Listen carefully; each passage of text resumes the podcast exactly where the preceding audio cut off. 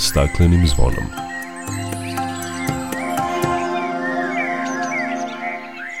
Dobar dan i dobrodošli na Zeleni talas prvog programa radija Radio Televizije Vojvodine. Ja sam Dragana Ratković.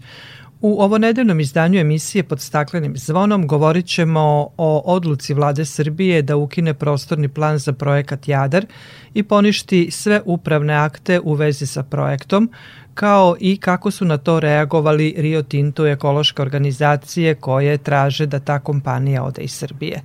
U temi emisije govorit ćemo o šumovitosti Vojvodine. Čućete da li najmanje pošumljena regija u Evropi sa svega 7% može postići optimalnu šumovitost koja je planirana na nešto više od 14% i da li je procenat optimalne šumovitosti realan.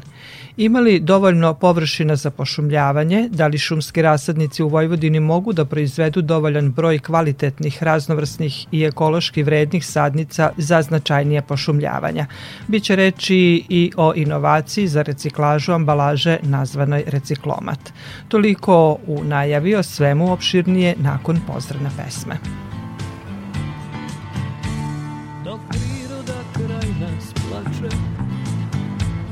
Za vladarskim svojim tronom. Tužno vele narikače pod staklenim nismo zvonom. Znaj vazduha više nema Sve manje je i ozona. Protiv sebe ide čovek i to često Bez pardona Uništenju živog sveta Kao da su ljudi skloni Čovek sam je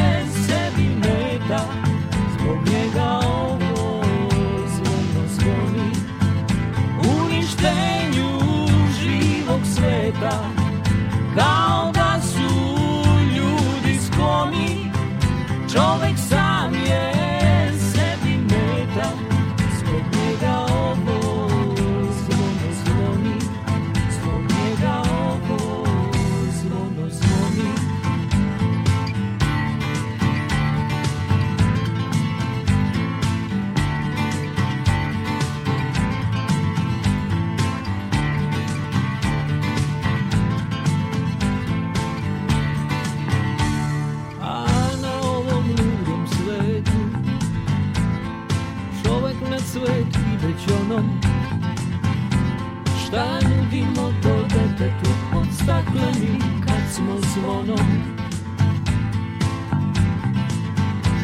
Uništenju živog sveta Kao da su ljudi skloni. Čovek sam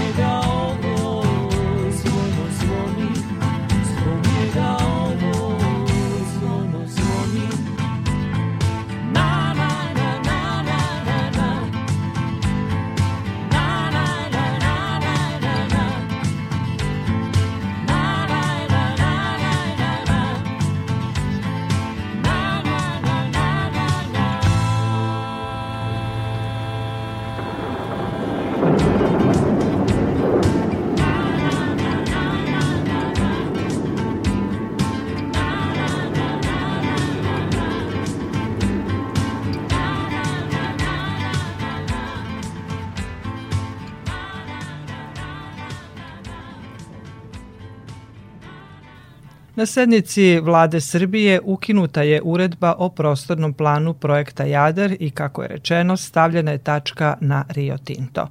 Posle sednice vlade u svom obraćanju premijerka Ana Brnabić je podsjetila da su poslednjih meseci održani protesti u vezi sa projektom Jadar i kompanijom Rio Tinto, odnosno njenom čerkom firmom u našoj zemlji koja je u Srbiji od 2004. godine kada je dobila prvo rešenje kojim se dozvoljavaju istražne radnje i koja je krenula u istraživanje 2006. Izmenjen je zakon o rudarstvu kojim je uvedeno načelo kontinuiteta koji govori da onaj koji istražuje ima pravo da eksploatiše, a 2012. dobili su rešenje o izvođenju bušotina velikog prečnika. Danas imamo zahteve ekoloških organizacija da se stavi tačka na projekat Jadar. Te zahteve vlada je i usvojila, rekla je Brnabićeva. Ukinuta je uredba vlade o prostornom planu područja posebne namene za realizaciju projekta eksploatacije prerade minerala Jadarit od 13. februara 2020. godine.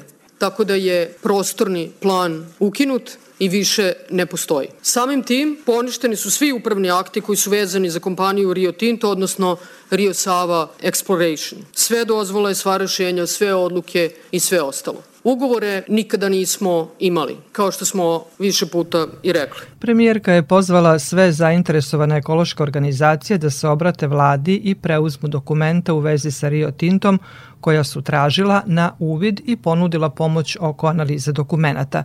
Na sednici je ukinuta i odluka o obrazovanju radne grupe za primenu projekta Jadar iz 2021. godine. I time, dame i gospodo, predstavnici medija, poštovane građanke i građani Republike Srbije, ispunili sve zahteve ekoloških protesta i stavili tačku na Rio Tinto u Republici Srbiji. Ovim je što se tiče projekta Jadar i Rio Tinta sve završeno. Gotovo je i svi zahtevi su ispunjeni. U obrazloženju zašto je vlada odlučila da stavi tačku na projekat Jadar i Otinta, Brnabićeva je navela da su čuli građane Jadra i Rađevine i u potpunosti razumeli njihovu zabrinutost i da joj je žao što ranije nije čula njihov glas jer je kao premijerka bila u Loznici u februaru 2020. upravo da bi govorila o Rio Tintu, ali ni tada nijedno pitanje o zaštiti životne sredine i mogućim efektima nije dobila. Sada smo čuli građane i usvojili ono što su tražili, a kao drugi razlog navela je da Rio Tinto apsolutno nije pružio dovoljno informacija ljudima u Jadru, Rađevini, u svim lokalnim mestima kao ni vladi Srbije.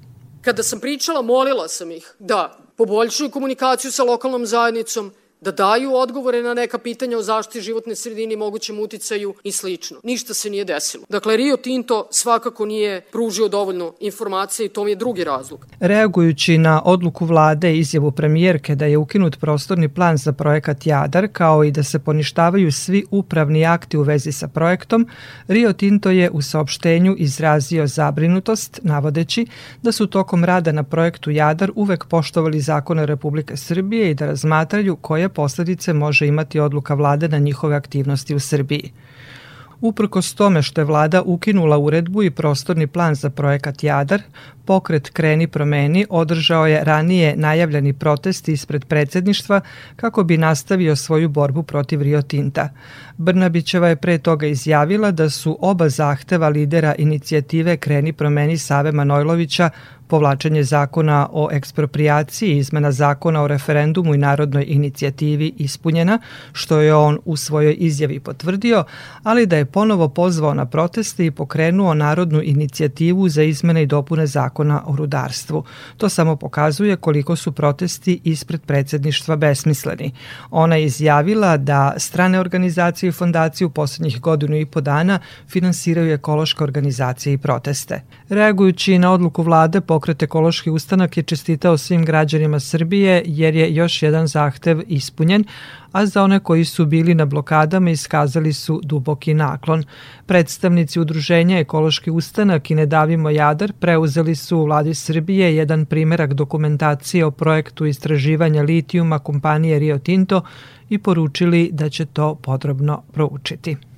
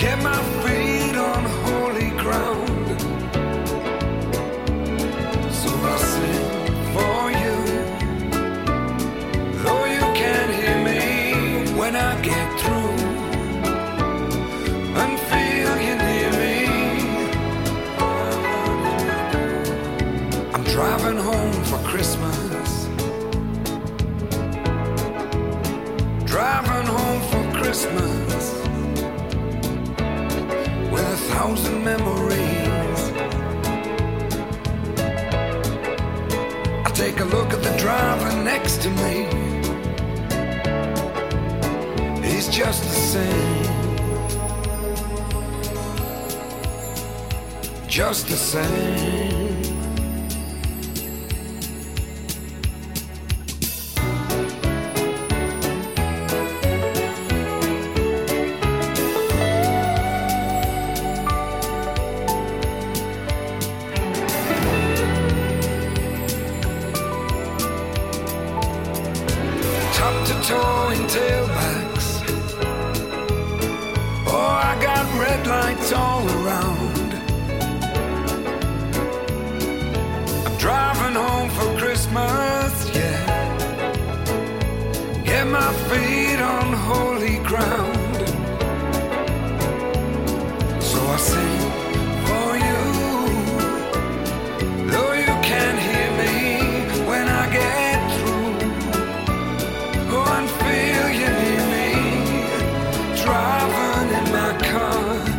Driving home for Christmas.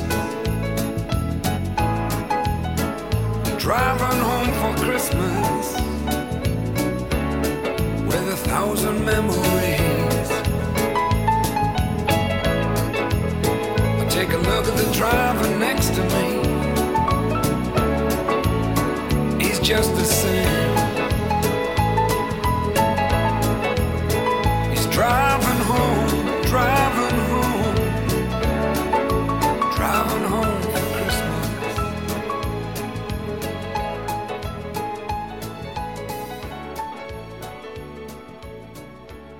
Slušate emisiju pod staklenim zvonom. Krajem decembra u okviru projekta Šuma zove na dijalog održan je okrugli sto pod nazivom Optimalna šumovitost Vojvodine. Cilj organizovanja tog skupa je bilo sagledavanje iz različitih uglova problema nedostatka šuma na području Vojvodine, načine da se poveća prostor pod šumama uprkos raznim preprekama i da se poveća neka optimalna šumovitost na procenat koji je zadovoljavajući. Tim povodom moje gošće su Dušica Milenković iz Pokreta Gorana i Ivana Vasić iz Vojvodina šuma zadužena za zaštićena područja. Dobar dan i dobrodošli na Talasa Radio Novog Sada. Dobar, Dobar dan. dan. Svi znamo da je šumovitost Vojvodine mala. Vojvodina je jedna od najnepošumljenijih regija u Evropi. To je nešto što stalno ističemo, ali iako se godinama priča o tome, procenat šumovitosti se nije mnogo pomerio. Prema nekim podacima procenat šumovitosti je oko 6%, neki kažu 7%. Šta je problem da bi se postigla optimalna šumovitost Vojvodine? Zvanično je šumovitost Vojvodine oko 7% i ta cifra je malo veća u odnosu na prethodnih nekoliko decenija kada je bila oko 6-6,5%. Pre 40 godina izračunata je optimalna šumovitost Vojvodine koja je oko 14% i to je ono cilj koji su svi sva preduzeća i ministarstva i sekretarijati pokrajinski pokušavali da dostignu i mi civilne organizacije tokom ovih godina i to je i bio razlog što su se pre dve godine okupile organizacije i sačinile mrežu Pošamimo Vojvodinu jer su primetile da se tu nešto dešava, da je veliki problem, da je veliko interesovanje da se tako nešto desi, da se poveća prostor pod šumama, ali da se on toliko već dugo godina unazad ne rešava. I brojnim akcijama, apelima, i slično nismo uspeli da promenimo značajno ovaj procenat i zbog toga smo i radeći na ovom projektu Šuma zove na dijalog u jednom segmentu projekta pokušali da okupimo sve one koji su zainteresovane strane, da tako kažemo, na temu šumovitosti Vojvodine i u pripremi ovog skupa baš sa Ivanom Vasić i njenim kolegama u Vojvodina šumama gledali smo kako da nazovemo skup i kako da se on ne raspline na mnogo segmenata koji zapravo su problematični u oblasti pošumljavanja Vojvodine i onda smo se fokusirali na to da vidimo da li je to što je nekada pre 40 godina doneto kao težnja i potreba za šumovitošću Vojvodine, da li ona stoji i dalje i da li se moramo nje pridržavati, da li možemo i šta su realno problemi da se to ostvari. Ivana, s aspekta šumarskog sektora, da li je optimalna šumovitost od 14%, odnosno 14,32% realno postići s obzirom na to da je Vojvodina uglavnom poljoprivredno područje, da ima malo prostora, odnosno mesta za pošumljavanje? Pre nego što vam direktno odgovorim na, na pitanje, pošto je u toku uh, nacionalna inventura šuma, gde nakon desetogodišnjeg perioda ponovo radimo kompletan pregled stanja šuma u Srbiji. Po nekim preliminarnim rezultatima šumovito Srbije će biti negde oko 37-38 procenata.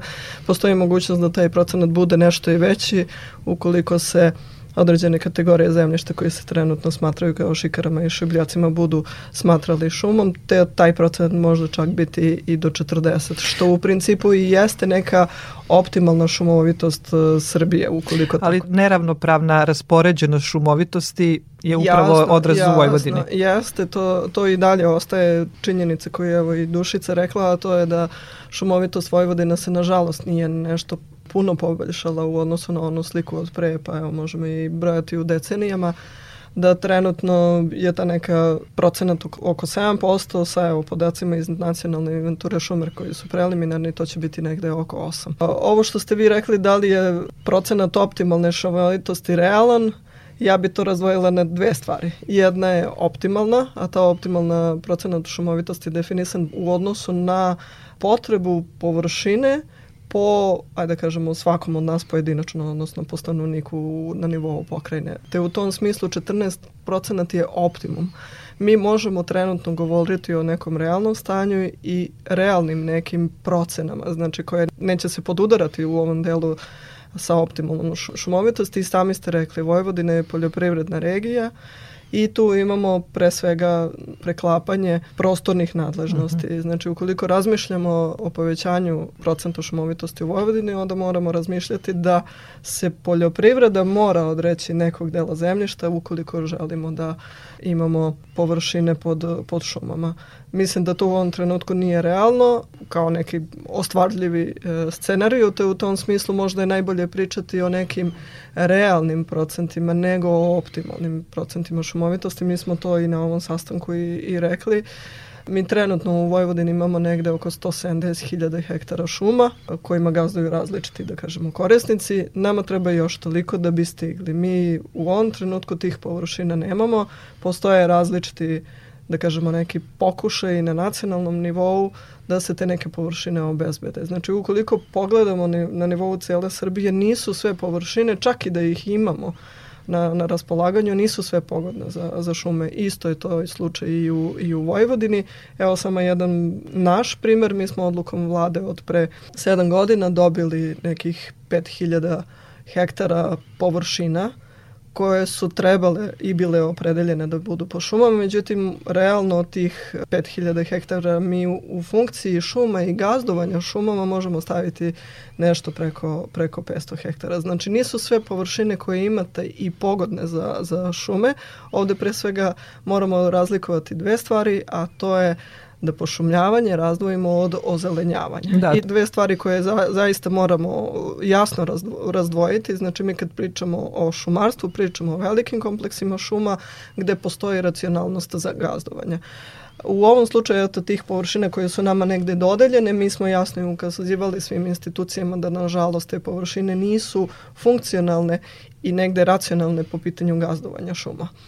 Ono što je veći problem jeste što u okviru negde prostornog planiranja šumarstva je negde na marginama tog. Koliko više... šumarski sektor uopšte učestvuje u kreiranju prostornih planova, ajde da kažemo i republike, pokrajine i ovih nižih nivoa lokalno? Mi, mi smo zaista aktivni i evo u okviru izrada prostornog plana Republike Srbije mi smo zaista ovo i naveli ovu problematiku sa kojom se susrećemo i dalje smo apelovali da 14% može biti optimum, ali ne i realan procenat, te u tom smislu uh, uvek apelujemo da nema do, do, dovoljno površina i da bi sa aspekta prostornog planiranja zaista trebalo napraviti jedan iskorak i reći da ovo su površine koje ovaj, bi mogle biti za, namenjene za, za šume u prostornom smislu. Međutim, tog iskoraka za definisanje površina nema i to je ona možda prvi problem od, odakle treba krenuti. Jasno treba ne, definisati te površine koje mogu biti namenjene. I onaj segment koji možda najviše trebamo naglašavati, a to je da donosioci odlika moraju biti svesni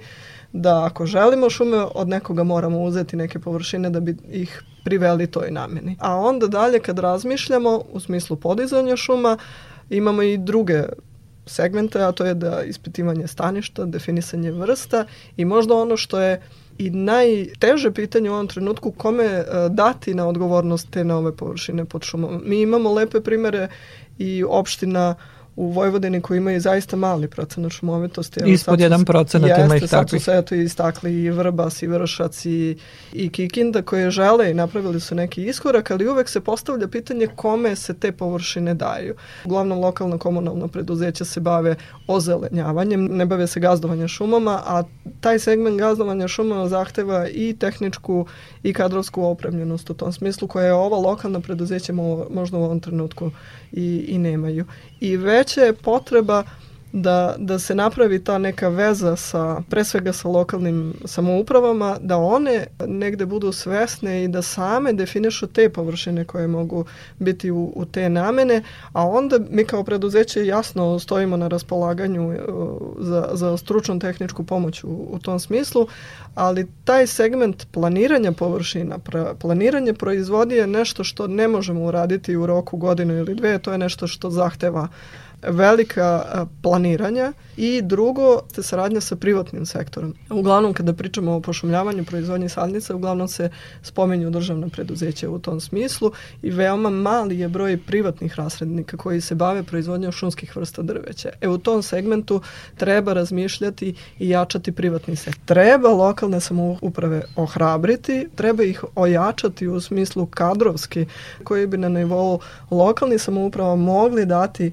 težinu rešavanja ovakvih problema. Nažalost, to trenutno nije slučaj, ali bi to je taj neki segment na koji smo mi razgovarali i gde bi akcent trebalo. Da, ovo je jedna dobra prilika zato što su se okupili svi oni koji imaju na neki način uticaja i mogu da sagledaju problem i da daju neki e, svoj e, doprinos. Da, zaključili smo takođe i da je važna ta politička volja da se na nivou lokalnih samouprava preusmere, da tako kažemo, površine na ovu oblast. I šta je tu problem? Problem je što poljoprivredna proizvodnja, ova ratarska koju imamo u svakoj opštini, mnogo brže donosi novac i mnogo brže se vide rezultate, a svaka lokalna samouprava želi da ima rezultate i da se to što više, da tako kažemo, obrće. Kada posadite šumu, vi morate da čekate decenijama da bi se to isplatilo i to je negde razlog zbog kojeg se lokalne samouprave ne odlučuju za taj potez, nego ustupaju i dalje poljoprivrednim proizvođačima, odnosno ratarima. Mislim da bi rešenje negde, negde postoji, a to je e, pre svega u, uvezivanje ono što smo rekli sa, sa privatnim sektorom. Čim budete ojačali privatni sektor, lokalne samouprave mogu preuzeti na sebe da gazduju takvim površinama, ali sa nekim, da kažemo, podizvođačem u tom smislu. Ali i za taj deo im treba negde kadrovski da su ojačani, da imaju inženjere šumarstva, recimo, koji bi jasno mogli napraviti određene planove, programe, osnove za, za gazdovanje takvim šumama, a mislim da je tehnička više stvar da se sredstva finansiranja povlače preko, recimo, iz pokrinjskih republičkih uh, budžeta i da se namenski da kažemo, ono, mogu davati za određene aktivnosti koje mogu sprovoditi određeni subjekti iz privatnog sektora. Znači, mehanizam postoji, možda to samo treba dodatno razraditi, ali je prvi korak površine i to je jedino o čemu za sad možemo razmišljati.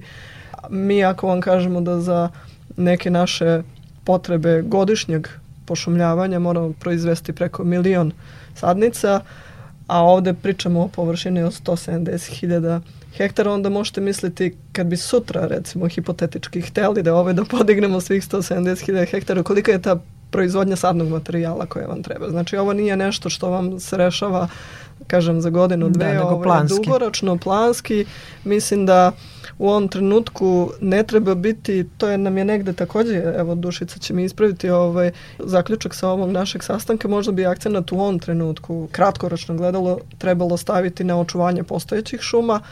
Ta ideja u ovom trenutku možda treba više da nas brine, u tom smislu da očuvamo postojeće šume, odnosno da se nas smanjuje. Mi sad uvek govorimo o povećanju ovaj, šumovitosti Vojvodine, ali nama je aktualan ovaj trend da, da se negde stavlja i da kažemo uslovno šapa i na, i na postoje. Da. Zaista je namera bila ovog sastanka da problematika koja se trenutno javlja, koja nije toliko ovaj, prisutna u, u, Da. u etru, u medijima, ovaj, da malo iznesemo na stoj. Jeste, jer je e, definitivno javnost nedovoljno informisana o problemima koji postoje u šumarstvu, nedovoljno predstavnici šumarske struke se pojavljaju u javnosti i daju ispravne informacije i onda se stvara taj neki to mišljenje da se ništa ne radi i da bi neko drugi to mnogo bolje uradio samo kada bi ovaj, imao priliku, a u stvari u segmentu svakog od ovog preduzeća ili institucije je jako veliki broj problema koji se moraju postepeno rešavati i onda to sve nekako usaglasiti.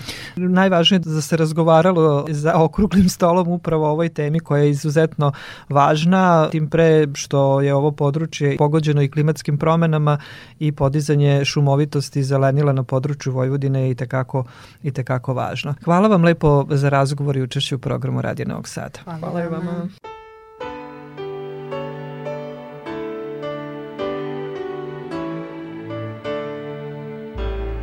was Christmas Eve, babe, in the drunk tank.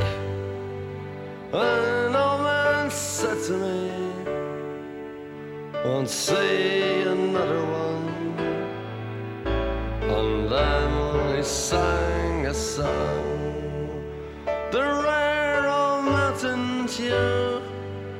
I turned my face away and dreamed about you. Got on a lucky one, came in eighteen to one. I've got a feeling this year's for me and you. So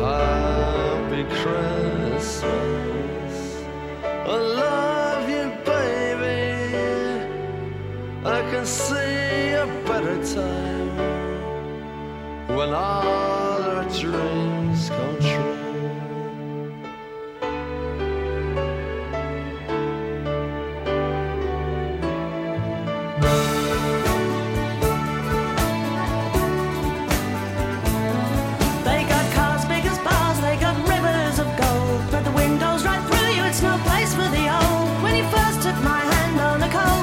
Eve, you promised me Broadway was waiting for me. You were handsome. You were pretty queen of New York City when, When the band finished playing. They held out for more. Sinatra was swinging, all the drunks they were singing. We kissed on the corner, then danced through the night.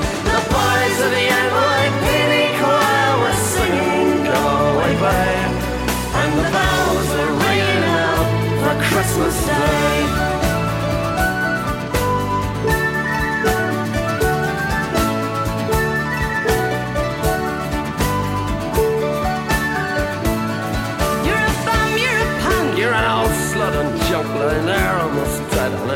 In that bed. You scumbag, you maggot, you cheap, lousy faggot. Happy Christmas, you're ours. I pray God it's our loss. The boys of the NYPD choir still singing Go away, babe And the bells are ringing out for Christmas Day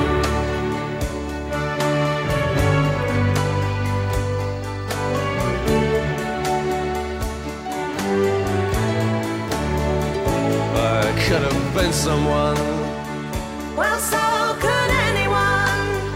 You took my dreams from me when I first found you. I kept them with me, babe. I put them with my own. Can't make it all alone. I built my dreams around you. The boys of the NYPD chorus are singing, go away, babe and the bells are ringing out for Christmas Day.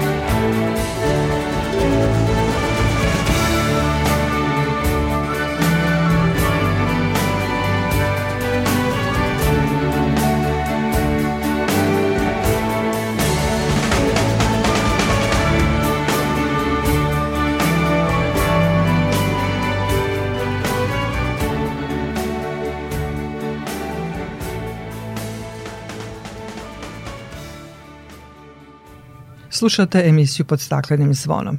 I dalje govorimo o pošumljavanju Vojvodine.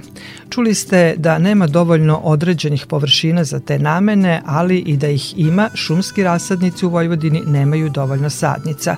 Ekološka udruženja okupljena u mrežu Pošumimo Vojvodinu sprovela su od septembra do novembra prošle godine istraživanje o stanju u šumskim rasadnicima i rasadničkoj proizvodnji na području Vojvodine.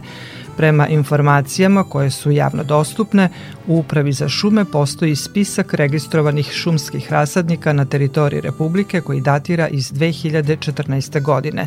U celoj Srbiji postoji 56 proizvođača šumskih sadnica, od toga su 24 u Vojvodini. Prema rečima Ljiljane Davidov iz pokreta Gorana Sombora, koji su članovi mreže Pošumimo Vojvodinu, najveći deo rasadničke proizvodnje šumskog sadnog materijala se obavlja u okviru javnih preduzeća Srbija šume i Vojvodina šume. Ukupno na teritoriji Vojvodine se nalazi 40 šumskih rasadnika, od kojih su 15 pod Vojvodina šumama u četiri šumska gazdinstva. U vodama Vojvodine su dva rasadnika i Institut za nizijsko šumarstvo ima najveću površinu pod uh, rasadnicima, odnosno to je ogledno dobro gde se proizvodi klonski materijal hibridnih topola i nacionalni park koji isto proizvodi za sobstvene potrebe. Znači najveći deo rasadnika se nalazi u okviru javnih preduzeća i po brojnosti i po površini. Najveći procenat je se odnosi na šumski sadni materijal. Najveći broj matičnjaka odnosno zasada koji je formiran za proizvodnju vegetativnog materijala su topole i vrbe uglavnom. Javna preduzeća, znači koji imaju najveću površinu i koja najviše koriste za svoje potrebe, ne mogu da zadovolje, znači to je e, najviše u Vojvodina šumama, dok su manji proizvođači većinom odgovorili da zadovoljavaju potrebe tržišta. Međutim, to je povezano sa nedostatkom planiranja pošumljavanja, znači tu nema plana pa i smanjen obim pošumljavanja, tako da verovatno onda stoga su se izjasnili da uspevaju da zadovolje potrebe tržišta. Najviše se na tržištu pojavljuje poljski jasen, beli jasen, crni orak, topole najviše hibridi, divlja trešnja cer u nešto manjem obimu, lužnjak je u jako velikom opadanju, znači njega ni ne možete malte ne naći na tržištu i e, bagrem. Najveći procenat proizvodnje čini proizvodnja topola i bagrema. Nemamo podatak uopšte da postoje matičnjaci, a postoje sigurno da postoje negde matičnjaci gde se proizvodi seme. Konkretno za Mitrovicu znamo da tamo više nema semena lužnjaka, zato što on više ne rađa i tamo se šuma mora obnavljati, znači svo, svo seme je šturo, evo semena lužnjaka nema. On jednostavno nije rodio Rasadnička proizvodnja obavlja se na oko 190 hektara. Od toga 160 hektara imaju rasadnici javnog preduzeća Vojvodina šume. Najveći udeo ima šumski sadni materijal, dok se manji deo odnosi na ukrasno drveće i žbunje. U istraživanju se navodi da se u vojvođanskim rasadnicima proizvodi samo osam vrsta šumskog drveća, što proizvodnju čini prilično neraznovrsnom. Još je nepovoljnije to što najveći procenat čini proizvodnja alohtonih u ekološkom smislu manje vrednih vrsta poput hibrida topola i bagrema. U prethodnoj deceniji prostornim planom je predviđeno da se u Vojvodini godišnje podigne 1200 hektara novih šuma i 800 km zaštitnih pojaseva čak i da su pronađene parcele i da su planirana značajnija sredstva u pokrajinskom i lokalnim fondovima za šume, na osnovu istraživanja se može zaključiti da se ovakav plan ne bi mogao ostvariti u dogledno vreme, jer rasadnici nemaju kapaciteta da proizvedu dovoljno raznovrsnih sadnica onim vrstama koje su domaće i čija se proizvodnja gotovo ugasila postoji niz problema koji pošumljavanje ograničavaju ili onemogućavaju. Da bismo ostvarili planirano kada je reč o rasadničkoj proizvodnji, treba preduzeti određene mere, kaže Ljiljana Davidov iz pokreta Gorana Sombora. Nedostaju radnici, ono što je konstatovano u prethodnom e, izveštaju da su nerešeni imovinski pravni odnosi. Zatim da je potrebno povećati subvencije za pošumljavanje zato što 100.000 za hektar bagrema nije dovoljno za vremenski period od dve godine do kad je potrebno vršiti negu zasađenog materijala, to je nedovoljno.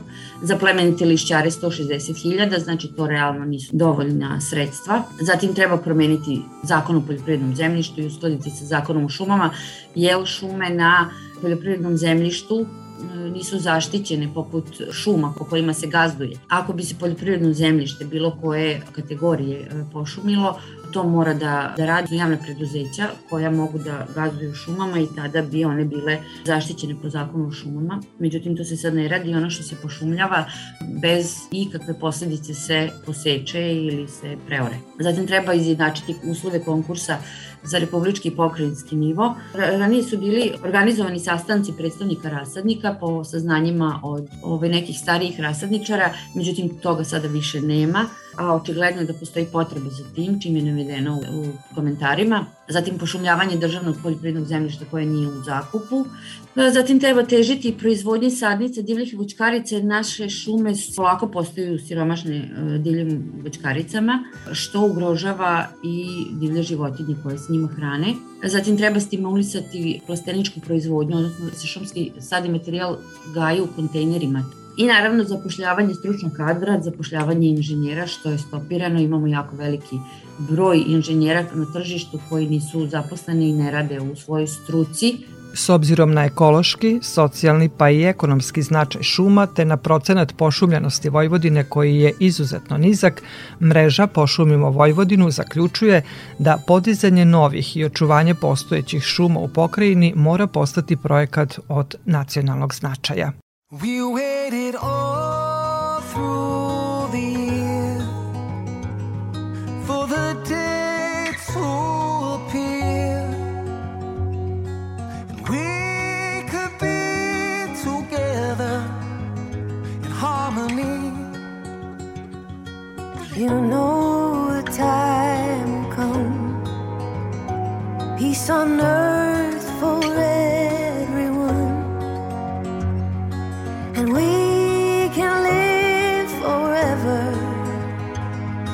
in a world where we are free.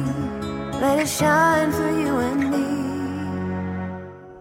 Something about Christmas time, something about Christmas time makes you wish it was Christmas every day. See the joy in the children's eyes the way that the old folks smile says that Christmas never go away.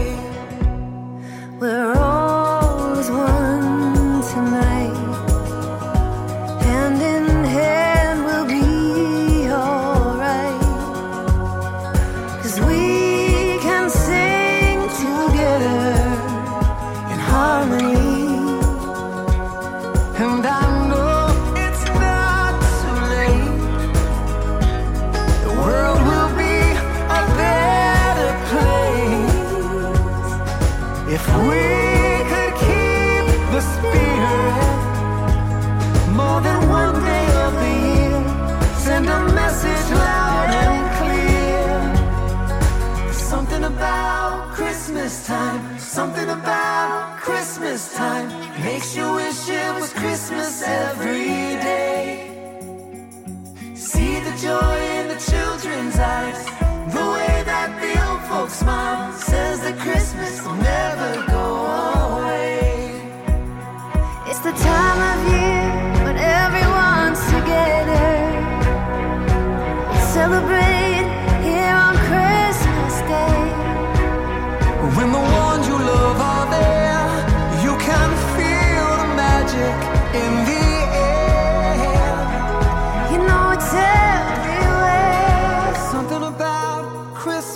time. There's something about Christmas time. There's something about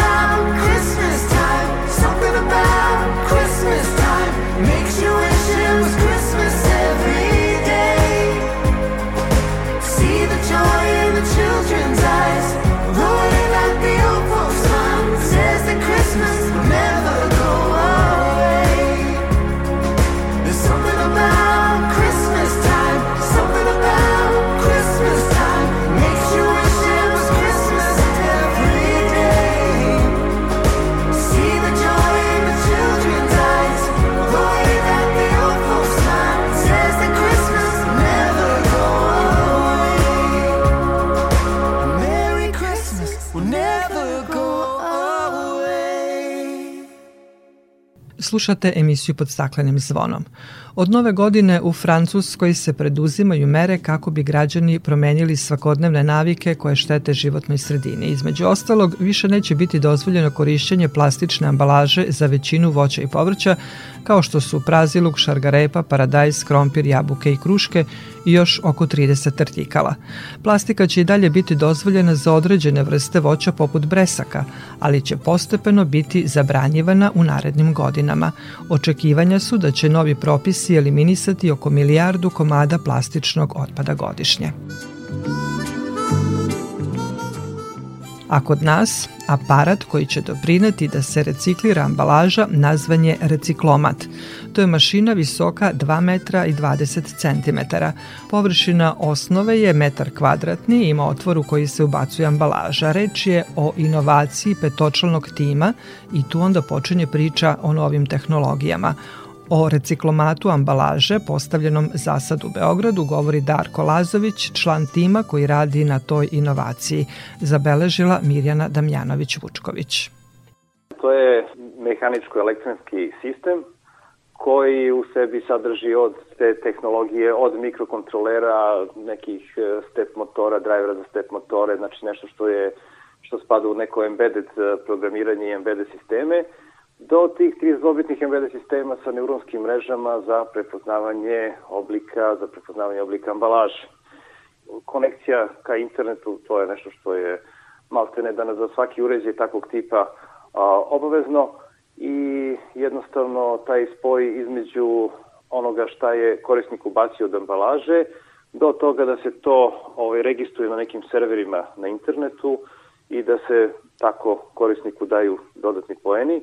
To je nešto sve što spada u taj reciklomat. Znači, osim te jedne velike metalne kutije u kojoj se nalaze sve te limenke, flaše, ta ambalaža, koja prolazi kroz traku i prepoznavanje oblika ambalaže, to je dosta kompleksan i modern embedded sistem koji u sebi sadrži i između ostalog i te neuronske mreže za prepoznavanje za prepoznavanje oblika. Reciklaža se svima isplati, to nam je naravno svima jasno, ali se isplati i onog momenta kad ubacimo tu limenku recimo u reciklomat, vraća nam se nekoliko dinara u zavisnosti od toga koje vrsta ambalaže. Tako je. U zavisnosti od toga i koju vrstu dopune radite, dobit ćete više ili manje dinara jel, u odnosu na plastičnu ili staklenu flašu. Znači ta limenka i ta flaša kad ste je ubacili unutra, ona je vredela više ako dopunjate Globaltelove telefone, a vredela je manje, nešto manje kad idete na dopunu plus plus. Naravno imali ste tamo i opcije da uplatite razne donacije, pa ste mogli da platite eventualno te pare koje ste zaradili sa reciklažom, mogli ste da uplatite i u fond za Novaka Đokovića ili za mlade talente. Praktično, samo da se vratimo na, na taj deo priče. Ja kada stanem pred reciklomat, tu postoji jedan otvor u koji ubacujem primjera radi limenku Tako e, je. i na ekranu reciklomata imam e, ponuđene opcije, te tri koje ste vi pomenuli, biram Jeste. između tih e, opcija i onda mi se praktično vraća novac na karticu u zavisnosti od toga šta sam, šta sam izabrala. U Beogradu sada ima 25 reciklomata. Znači, od ujutru kad se oni isprazne, recimo oko 8 sati, oni već negde oko 11, 12, oni su puni. Znači, dođu ljudi i to se već napuni, tako da Potrebe su daleko veće. pokazalo se da je potreba za, za takvim mašinama, da bi ljudi to koristili mnogo više nego što sad što ih sada ima. Barem 125 mata. E, Za sada reciklomati samo u Beogradu, gde će ih uskoro još biti, nadamo se. Biće za Banju Luku, otići neki reciklomati isto i u Kragujevac.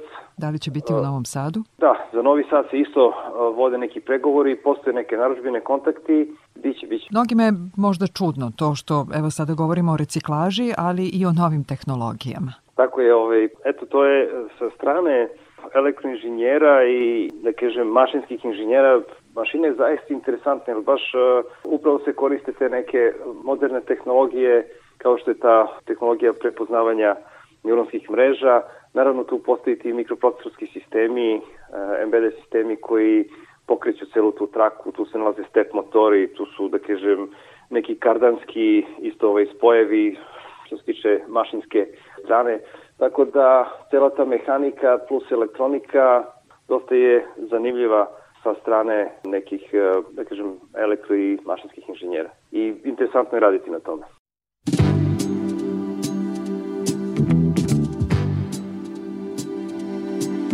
i u nastavku o još jednom reciklažnom automatu.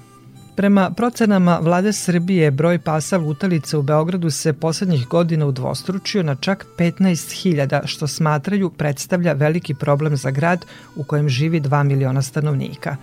A nedavno je glavni grad u opštini Stari grad dobio dva reciklažna automata koji isporučuju hranu za pse lutalice. Reciklomate je donirala humanitarna organizacija 28. jun. Ove pametne reciklažne kutije su automati koji u zamenu za reciklirane plastične flaše isporučuju hranu i vodu za pse lutalice.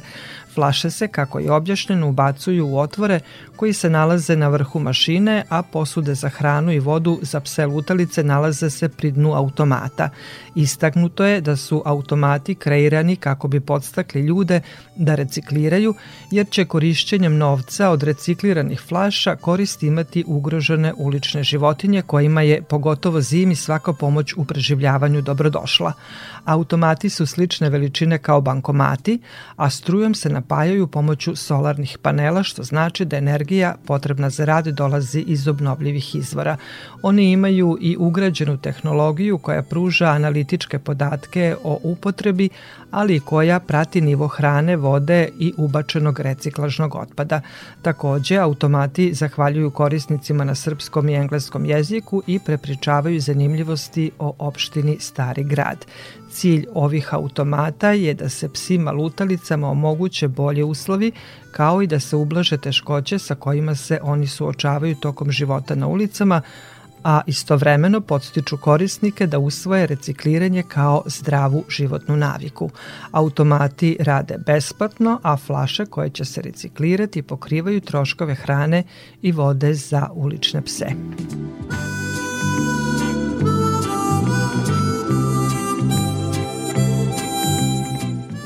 I na kraju emisije pod staklenim zvonom informacije o dva konkursa.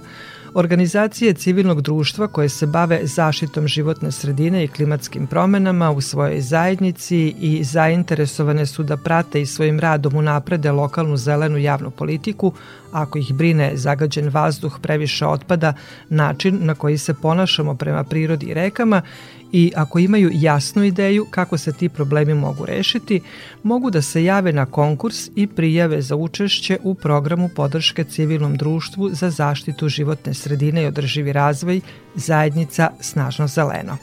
U njemu će zajedno raditi na razvijanju i sprovođenju zelenih projektnih ideja koje će unaprediti kvalitet života u njihovoj zajednici. Organizacije civilnog društva treba da u formi kratke projektne ideje na propisanom obrazcu jasno opišu problem koji žele da reše, da opišu koje rezultate žele da postignu, da predlože aktivnosti kojima smatraju da se problem može rešiti, kao i da identifikuju sve one aktere koji im u tom poslu mogu pomoći. Rok za podnošenje projektnih ideja je 31. januar do 15 časova. Detaljnije informacije možete naći na stranici Beogradske otvorene škole.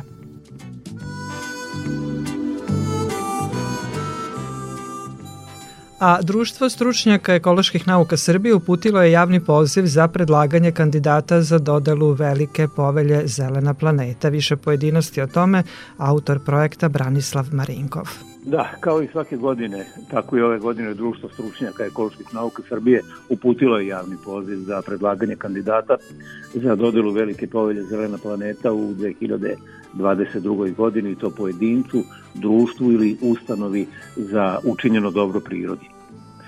Priznanje se dodeljuje za višegodišnje angažovanje na očuvanju, zaštiti i unapređenju životne sredine.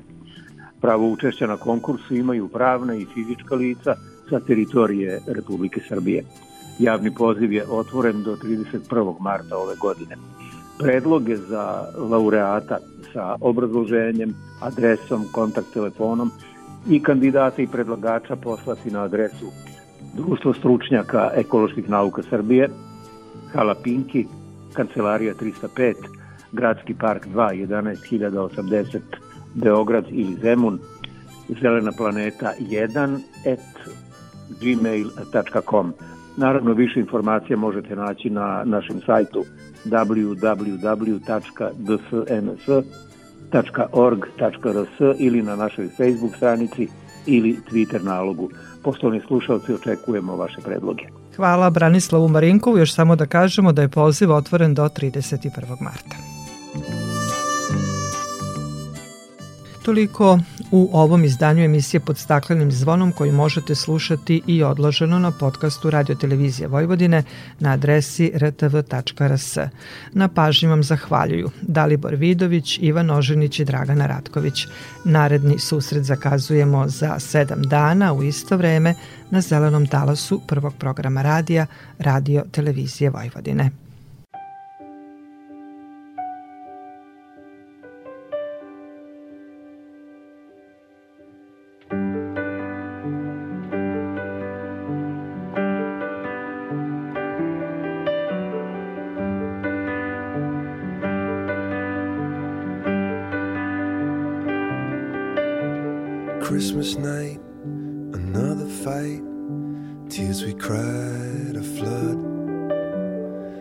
All kinds of poison in, of poison in my blood. I took my feet to Oxford Street, trying to right a wrong. Just walk away, those windows say, but I can't believe she's gone. When you're still waiting for the snow to fall, doesn't really feel like Christmas at all.